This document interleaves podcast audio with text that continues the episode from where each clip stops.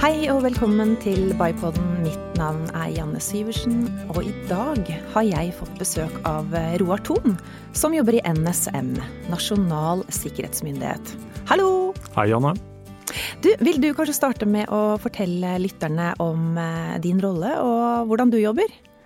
Ja, jeg er i dag fagdirektør i Nasjonal sikkerhetsmyndighet. Eh, har en tjenestebakgrunn fra politi og forsvar og kom sånn sett til NSM i, som yrkesoffiser i 2003, og der har jeg vært siden. Uh, har hatt en rekke forskjellige arbeidsoppgaver, men over tid så har det blitt at veldig mye av tiden min går til, med til å formidle sikkerhetsfaget på ulike måter. Og derfor så er jeg en del av eh, kommunikasjonsenheten i NSM. Så jeg holder veldig mange foredrag, deltar i debatter, skriver og er også programleder i NSMs egen podkast. Og samtidig har jeg også fortsatt noen sikkerhetsfaglige oppgaver. Så forenkla sagt så er vel egentlig jobben min å formidle sikkerhet på en måte sånn at flest mulig forstår uh, hva det er og hvorfor det er smart å ha. Mm. Og det er jo nettopp dette med formidling eh, som er en av grunnene til at vi har eh, invitert deg til en prat her hos oss. Du er eh, veldig aktiv, og du er eh, synlig eh, annet i sosiale medier, og jeg syns at du snakker et språk som alle forstår. Eh, informasjonssikkerhet er jo et fagområde som er relativt komplekst, og jeg tror at du forenkler dette med måten du kommuniserer på. Så dagens kompliment der, altså. Ja, tusen takk. du, dagens tema handler om eh, det som omtales som annerledesåret. Og et stikkord her er da selvfølgelig koronapandemien. Og vi kan si det at 12. mars er, kan kan jo egentlig si, markere skillet mellom før og etter eh, korona. Og det var da dagen da statsminister Erna Solberg ga beskjed om at folk skulle holde seg hjemme og flere arbeidsplasser og skoler ble faktisk stengt. Hva, hva husker du best fra 12. mars? Altså, for meg så bygget det vel seg litt opp over tid, egentlig. Jeg hadde akkurat kommet tilbake fra en tjenestereise i USA, husker jeg. Var egentlig veldig glad for å komme hjem, eh, fordi stemningen der borte var egentlig veldig merkelig. Og jeg hadde vel noen tanker om at dette dette kunne komme til å bli egentlig veldig stygt. Så rundt 12. mars så var vel egentlig første tanken min og reaksjonen var at eh, det man gjorde var veldig nødvendig og også samtidig veldig modiggjort. Mm. Men hva med deg da, hva var din reaksjon? Ja, 12. mars var jo den dagen eh, vi og hos oss fikk beskjed om at nå er det, nå er det hjemmekontor som gjelder, eh, som gjelder inntil videre. Men det jeg husker best fra den dagen, det er da jeg kjørte hjem fra, fra jobben. Jeg skulle inn og handle. Eh, og jeg kommer da inn i eh, butikken, eh, og altså det så ut som en, en slagmark, rett og mm. slett. Det var ikke et brød å oppdrive, det var ingen tørrvarer.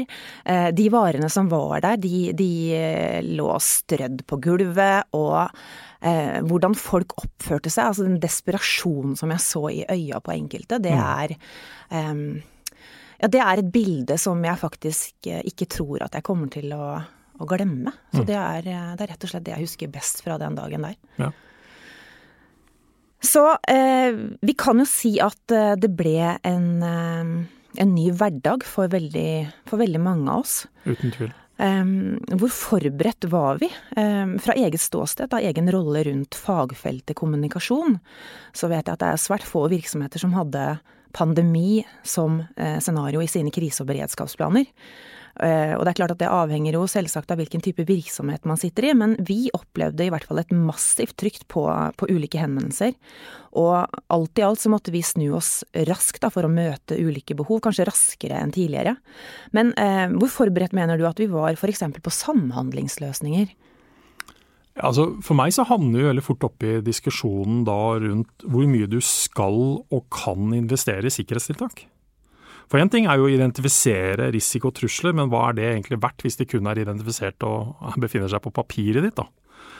Eh, for jeg våger den påstand at eh, veldig få virksomheter som faktisk hadde pandemi i sin altså risikovurdering, og kanskje også som en del av sin beredskapsplanlegging, hadde investert i tiltak som gjorde at konsekvensene og risikoen ved å sende alle på hjemmekontor var på plass 12.3. Altså, eh, Hadde man allerede noen løsninger for hjemmekontor, så var det rett og slett basert på at det var sånn man jobbet, ikke pga. pandemien. Men også er jo spørsmålet hvor sikre var de løsningene, da. Og en ting som har endra seg betydelig og drastisk, det er jo de oppgavene vi før kanskje løste fra hjemmekontor, kontra de vi oppgavene vi plutselig måtte løse fra hjemmekontor.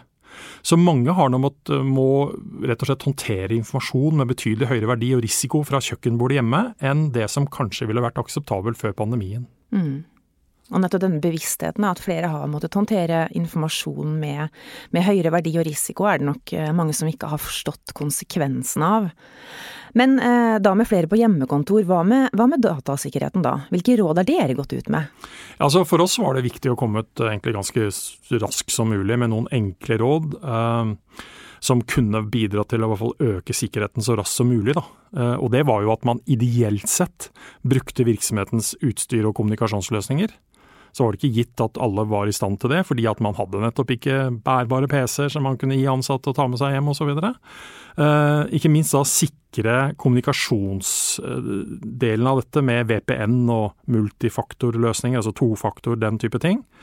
Og ikke minst sikre hjemmenettverket med passord. Og så er jo spørsmålet rett og slett hvilket hjemmenettverk er det du sitter på? Har du tjuvlånt naboens fordi han ikke har passord på wifien sin, og du har brukt det i to måneder, og nå sitter du med jobbens verdier og bruker det å surfe på? Mm. At man skulle passe litt mer på dataene sine, at eh, man ikke bare ukritisk tok i bruk masse forskjellige skytjenester og den type ting, at man ikke hadde kontroll på hva man egentlig brukte. Også til syvende og sist økt bevissthet når det gjelder altså at vi var mer sårbare for rett og slett svindel. For det siste der, da.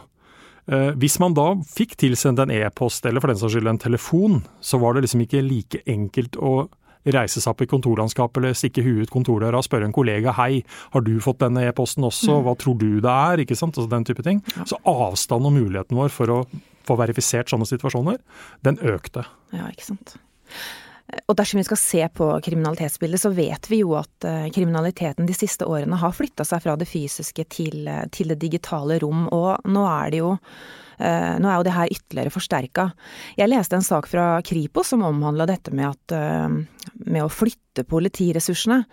Nå under pandemien så er det jo knapt nok folk ute i offentlige rom, men det som derimot har eksplodert, det er jo ulike svindelforsøk på nett.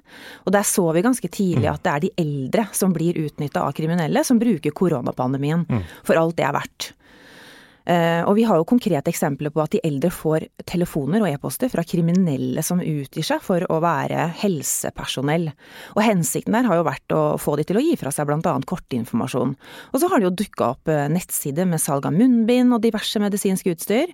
Eh, som selvfølgelig viser seg å, være falske. Og spesielt i mars-april husker jeg at munnbind var jo utsolgt i samtlige apotek og, og, andre utsalgssteder. Så man kan jo forstå at uh, folk blir desperate, da. At det er enklere å la seg lure i en sånn situasjon. Ja.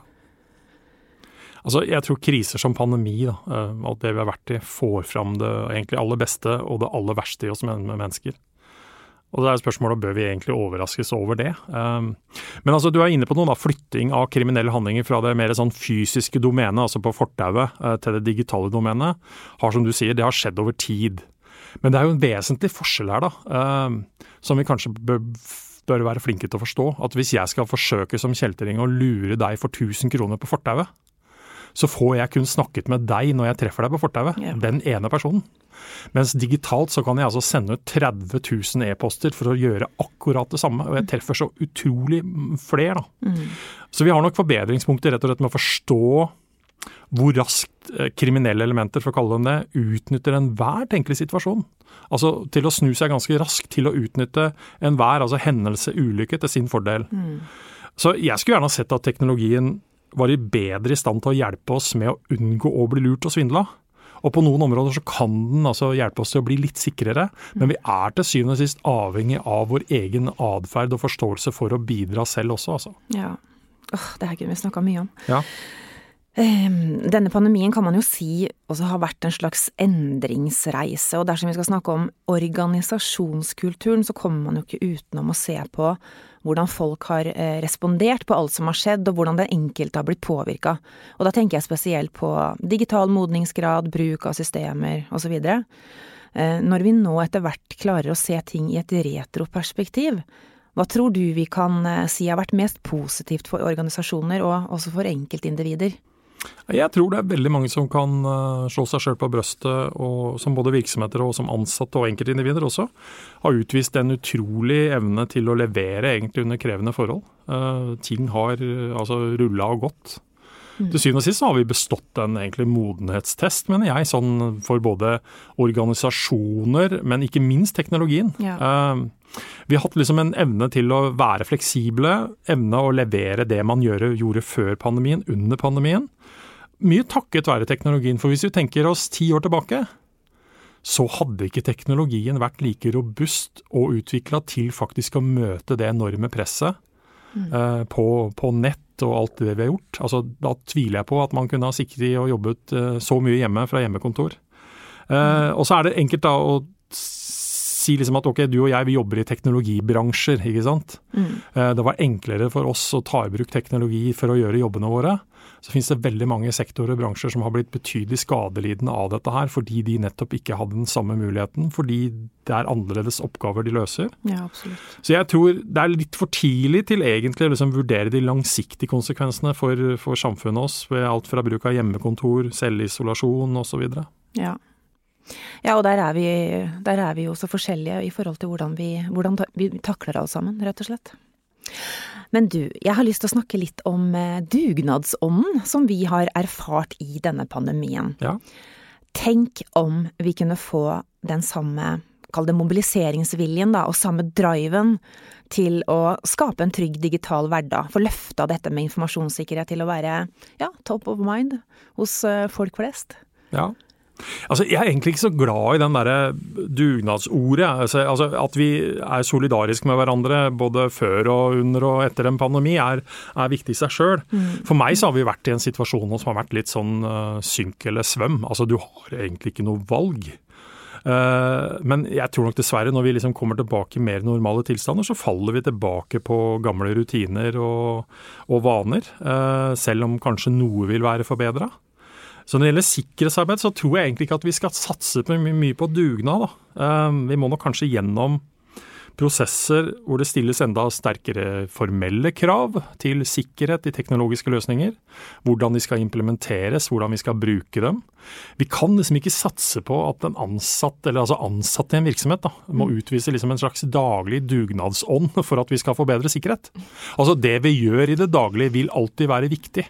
Mm. Uh, men, uh, men, samtidig som jeg liksom Samtidig som jeg sier at jeg er ikke så begeistra for dugnadsordet, så, må, uh, så kommer vi ikke unna at alle må faktisk bidra til at vi får så god sikkerhet som mulig. Ja.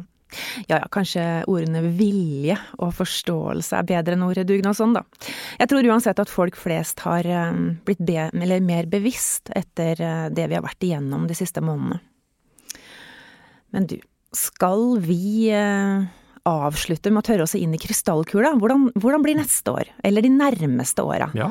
Eh, hvilke utfordringer tror du vi står overfor?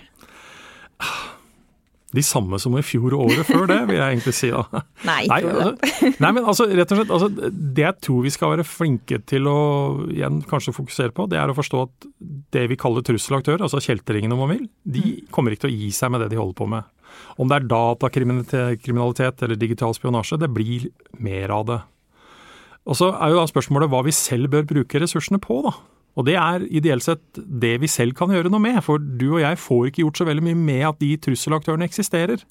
Men det vi kan gjøre er å lukke sårbarheter, redusere risikoen vår, rett og slett gjøre det vanskeligere for at de lykkes. Mm. Og da blir det litt sånn, Når jeg da sier at ting som, som i fjor året før det, og da, da, vil man sannsynligvis både høre kanskje både deg og meg og andre snakke om at vi kan bli bedre på passord, tofaktor, og at vi kan oppdatere PC-er og nettbrett. Og da skjønner jeg selvsagt også hvis folk sier liksom men hør nå her, Roar Thon, du jobber i Nasjonal sikkerhetsmyndighet. Har du liksom ikke noe mer fancy og avansert å komme med enn disse rådene vi har hørt om i liksom 10-15 år?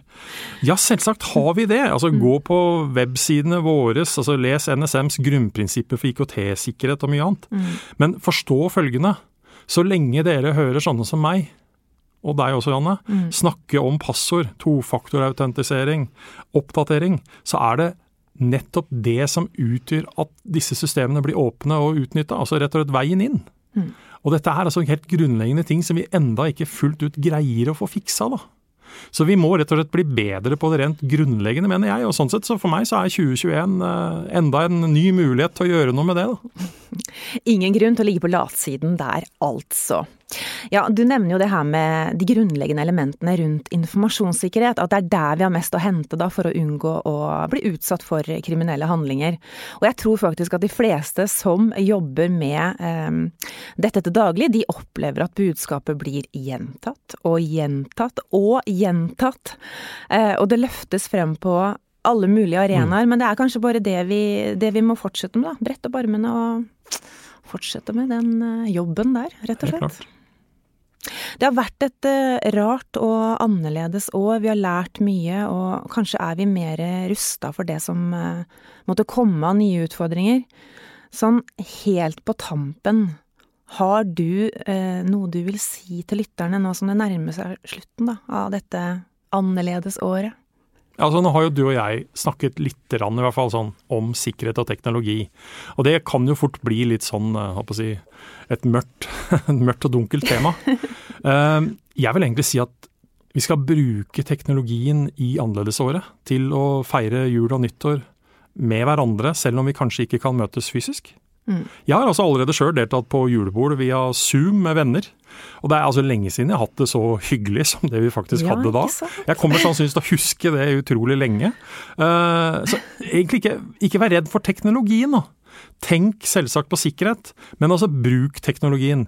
Send en snap, FaceTime med onkel og tante, arranger et juleselskap på Zoom eller Teams eller hva det måtte være. Altså mm. rett og slett bruk teknologien, også nå under jul- og nyttårsfeiringen. Åh, ja. Ja, jeg syns det her var en veldig fin oppfordring, og ikke minst så vil jo det være realistisk for uh, veldig mange av oss. Det er ikke alle som har mulighet til å møtes uh, fysisk, så da er det kanskje teknologien da som gjelder spesielt den jula her.